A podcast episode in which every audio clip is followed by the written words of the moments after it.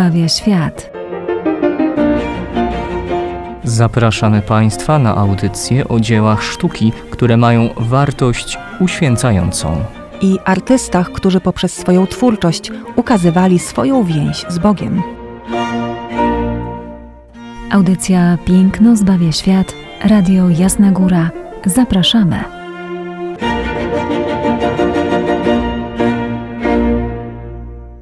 Izabela Banaszewska. Ojciec Tomasz Mordziałek. Witamy Państwa serdecznie w kolejnej audycji Piękno zbawia świat. Dziś przyglądamy się niezwykłemu dziełu polskiego malarza, XIX-wiecznego polskiego malarza, doskonale Państwu znanego, to Jan Matejko ale obraz nie jest znany.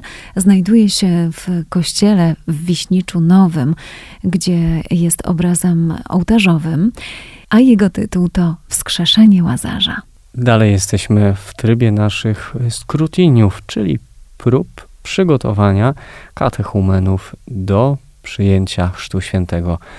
Piąta niedziela Wielkiego Postu jest ostatnią niedzielą, jest też ostatnim skrutinium dla katechumenów, gdzie przyglądają się oni przez Ewangelię prawdzie wiary, bardzo istotnej też dla niej na, na samym końcu, a jest to Ewangelia właśnie o wskrzeszeniu Łazarza.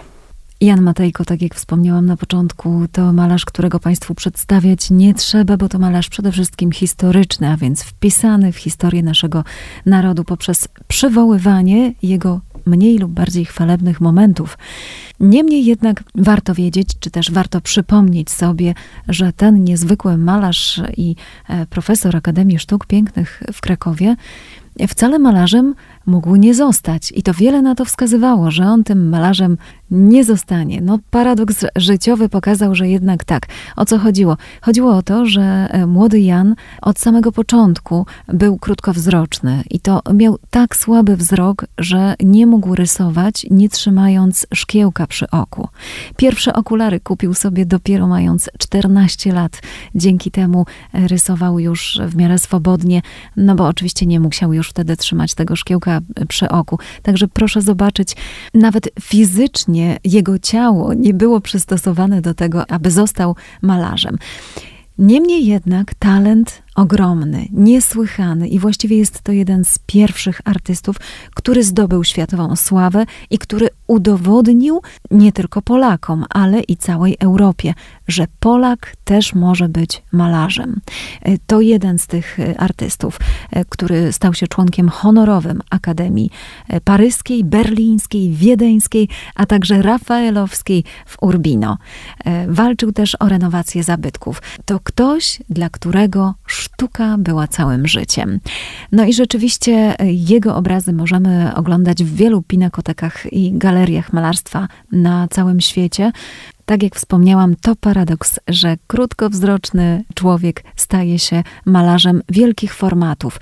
Na dodatek, w trakcie kiedy rozwijał swoją twórczość, on nauczył się sztuki malowania w Akademii Monachijskiej i w momencie, kiedy powraca do Krakowa, udaje mu się wynająć niewielką pracownię na poddaszu.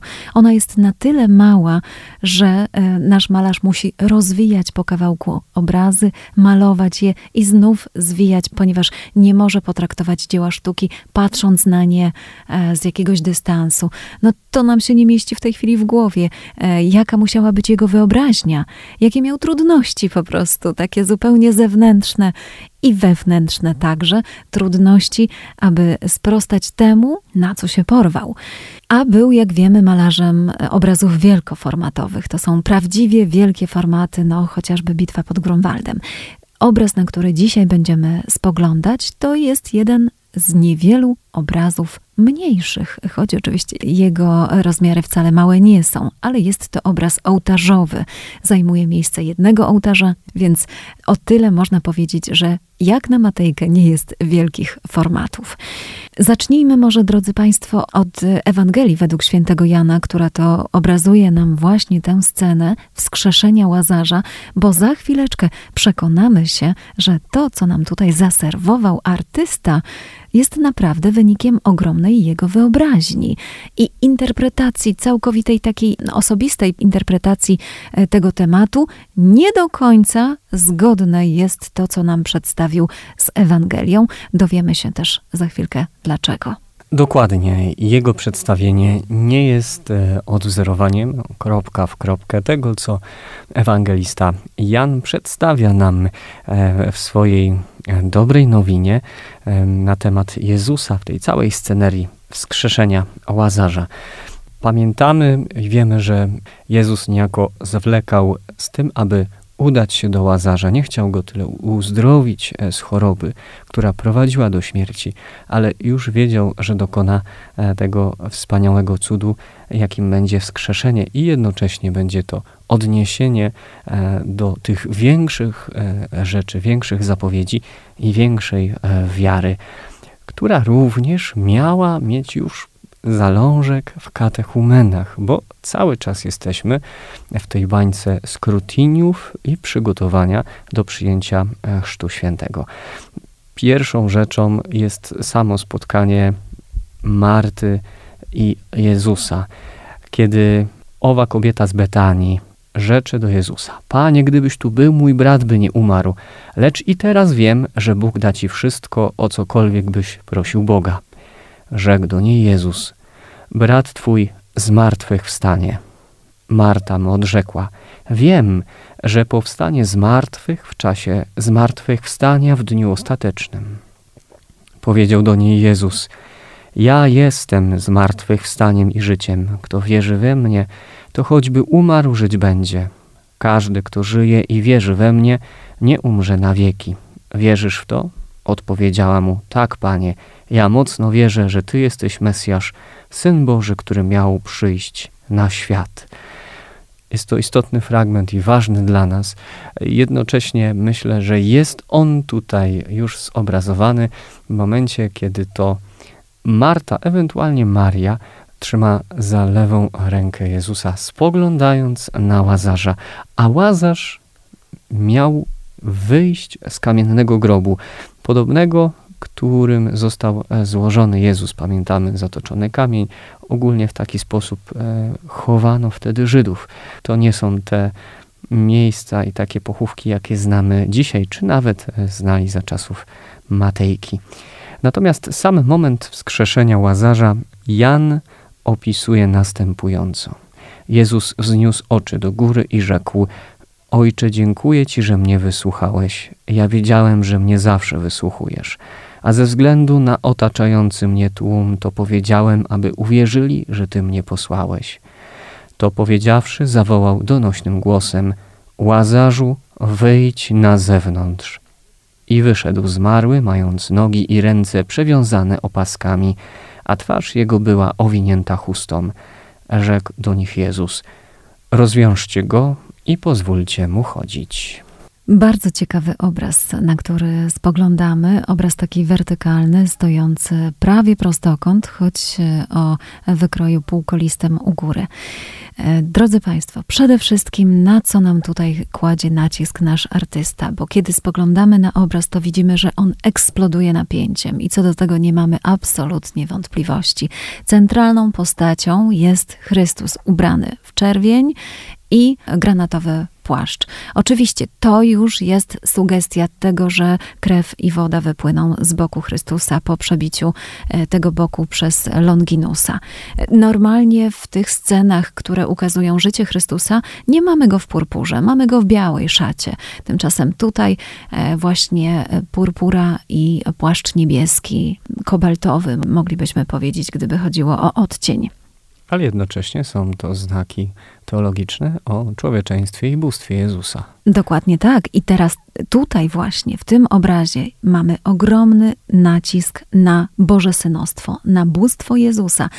Ta wyciągnięta ręka no jakby nie patrzeć, troszeczkę nam koresponduje tutaj z ręką Boga, Stwórcy, stwarzającą Adama, pędzla Michała Anioła. Pamiętamy tę rękę, ten palec z kaplicy sykstyńskiej.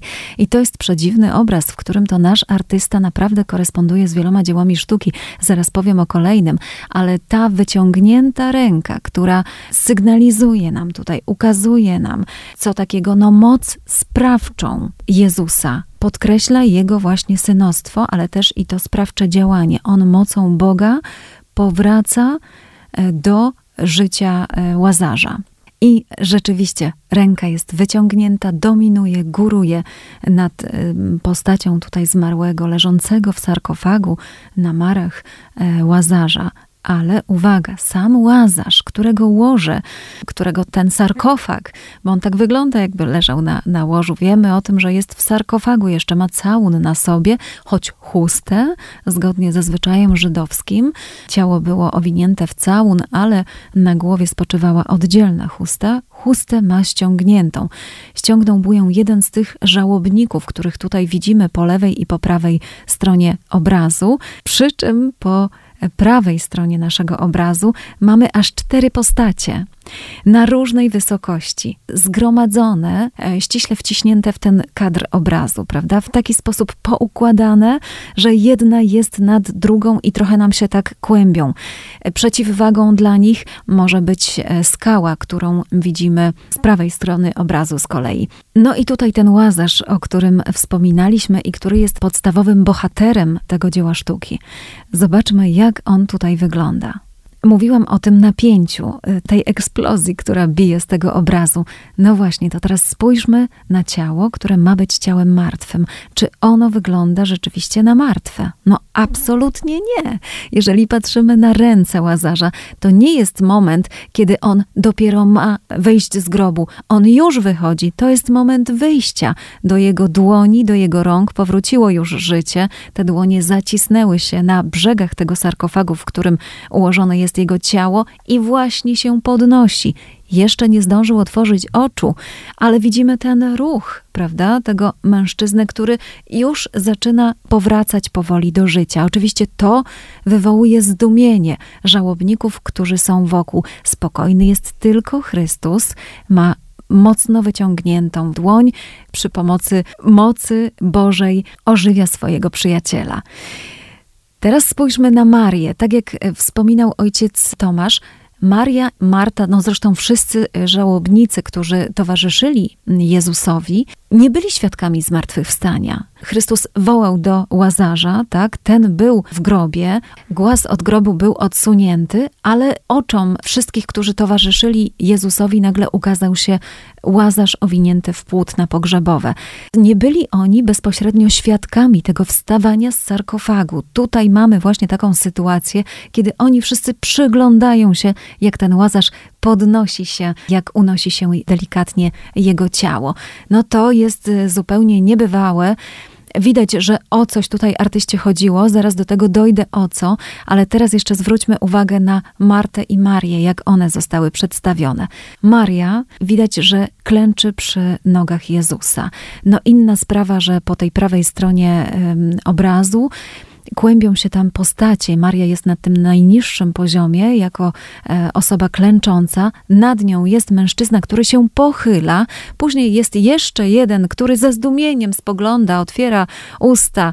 No i jeszcze za jego plecami wciśnięta delikatnie twarz kobiety, najprawdopodobniej Marty, która e, rękę trzyma przy twarzy, jak gdyby chcąc zasłonić twarz. No nie wiem, też w jakimś takim geście zupełnego niedowierzania temu, że to zmartwychwstanie, tak jak ona myślała, jak wierzyła, odbędzie się dopiero później, po jej śmierci. Tymczasem ono dokonuje się tu i teraz.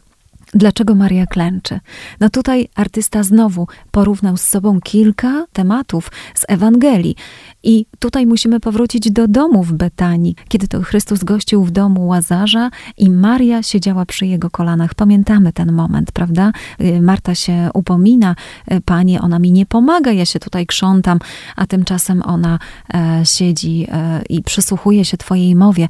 I tutaj właśnie w ten sposób dokładnie została zilustrowana Maria Maria, trzymająca Chrystusa za nadgarstek, absolutnie pełna zaufania, choć też tutaj pełna lęku. Widzimy, że ona się troszeczkę tak chowa za Chrystusa, prawda? Ta jego dłoń dodaje jej odwagi, no bo jednak widzi, przygląda się czemuś, czego absolutnie nie jest w stanie wytłumaczyć. No i teraz przyjrzyjmy się na tego człowieka, który jest ponad Marią, który się pochyla nad nią. Ten człowiek wykonuje gest, który jest niezwykle podobny do gestu apostoła z ołtarza e, mariackiego, krakowskiego ołtarza mariackiego Wictwosza. Generalnie ten ołtarz to ołtarz zaśnięcia Marii.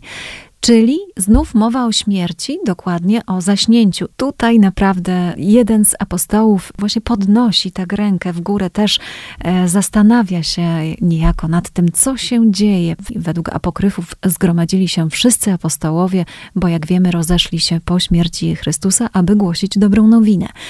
E, no i apokryfy dają nam właśnie wytłumaczenie, że e, przy zaśnięciu Maryi wszyscy apostołowie byli obecni. Jeden z nich wykonuje bardzo podobny gest. No i kolejna postać to prawdopodobnie kolejny żałobnik. O tym jego zdumieniu już e, mówiłam. Więc niebywały obraz, pełen naprawdę ekspresji, pełen też nawiązania, no jak widzimy, do różnych momentów Ewangelii, do różnych dzieł sztuki. Tutaj dwa przywołałam. Ta ręka, która jest ręką Boga. Tutaj Chrystus wyciąga rękę Boga, rzeczywiście Bożą mocą podnosi swojego przyjaciela Łazarza. Jezus e, spogląda niejako na nas i rękę wyciągniętą ma też w naszą stronę. Myślę, że to fenomenalnie odgrywa i współgra dokładnie e, z tym, co przeżywamy, czyli ten czas przygotowania przez katechumenów e, do chrztu, gdyż oni, przeglądając się w tej Ewangelii, raz mają dostrzec, czy mają budować e, ten zalążek, po pierwsze, wiary zmartwychwstanie, to co wcześniej czytaliśmy, czyli o zmartwychwstaniu na końcu czasów. To, co też w każdym credo w niedzielę i w uroczystości sami wyznajemy jednocześnie mają uzmysłowić sobie to, co dokona się Wigilię Paschalną, wtedy, kiedy przyjmą chrzest. Otóż oni z martwych wstaną, zostaną skrzeszeni, otrzymają nowe życie. Już to słowo, już e, ta zapowiedź jest wypowiadana e, w egzorcyzmie, w trzecim skrócinium, a brzmi owa modlitwa egzorcyzmu następująco – Prosimy Cię, uwolnij tych wybranych spod władzy złego ducha, który prowadzi do śmierci duchowej, aby od zmartwychwstałego Chrystusa mogli otrzymać nowe życie i dawać o nim świadectwo. Dalej modlitwa egzorcyzmu brzmi następująco, wspominając i odnosząc się do tej perykopy Ewangelii Janowej. Panie Jezu, Ty skrzeszając Łazarza, pokazałeś, że przyszedłeś, aby ludzie mieli życie i otrzymali je w pełni. Uwolnij od śmierci tych wybranych, którzy w Twoich sakramentach szukają życia. Wyzwól ich od ducha nieprawości przez Twojego ożywiającego ducha udziel im wiary, nadziei i miłości, aby żyjąc zawsze z Tobą, uczestniczyli w chwale Twojego zmartwychwstania a zatem prawda życia, które mają otrzymać, którego mają być częścią i my również mamy być częścią tego życia. Jesteśmy ochrzczeni i nasz chrzest e, niejako domaga się odnowy. Dlatego też w Wigilię Paschalną e, dokonuje się obrzęd poświęcania wody chrzcielnej, odnowienia e, przyrzeczeń chrzcielnych, przynosimy świece.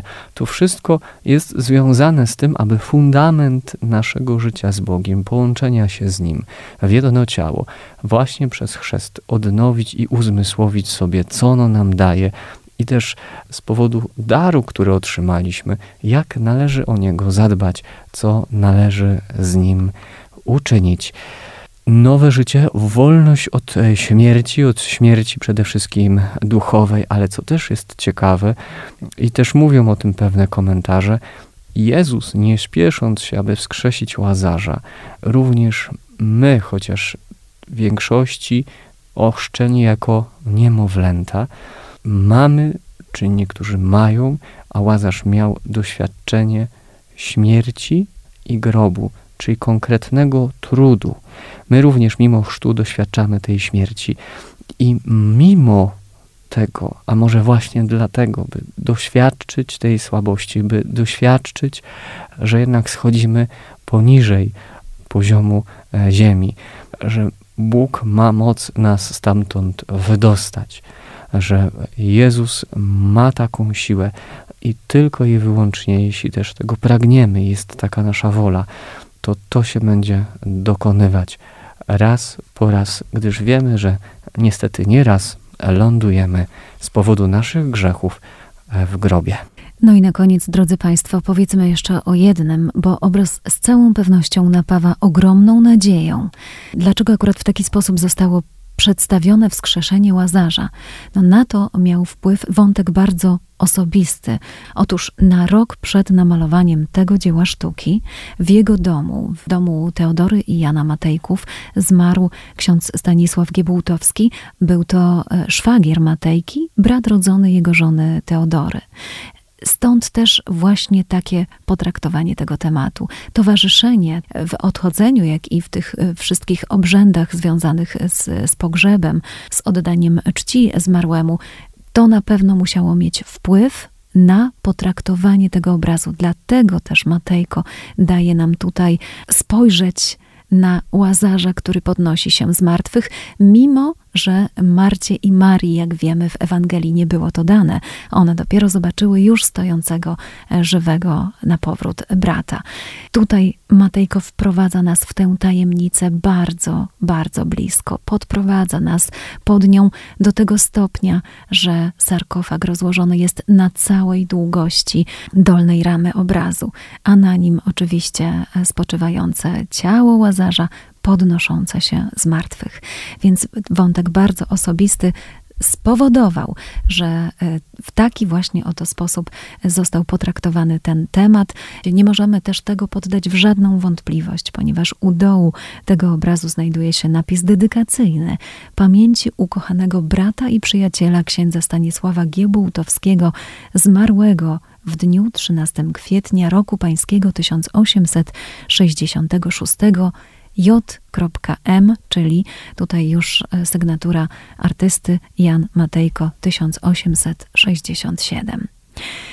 Obraz pełen nadziei i z taką też nadzieją zostawiamy Państwa do naszego kolejnego spotkania w przyszłym tygodniu. Dziś dziękujemy za uwagę. Do usłyszenia.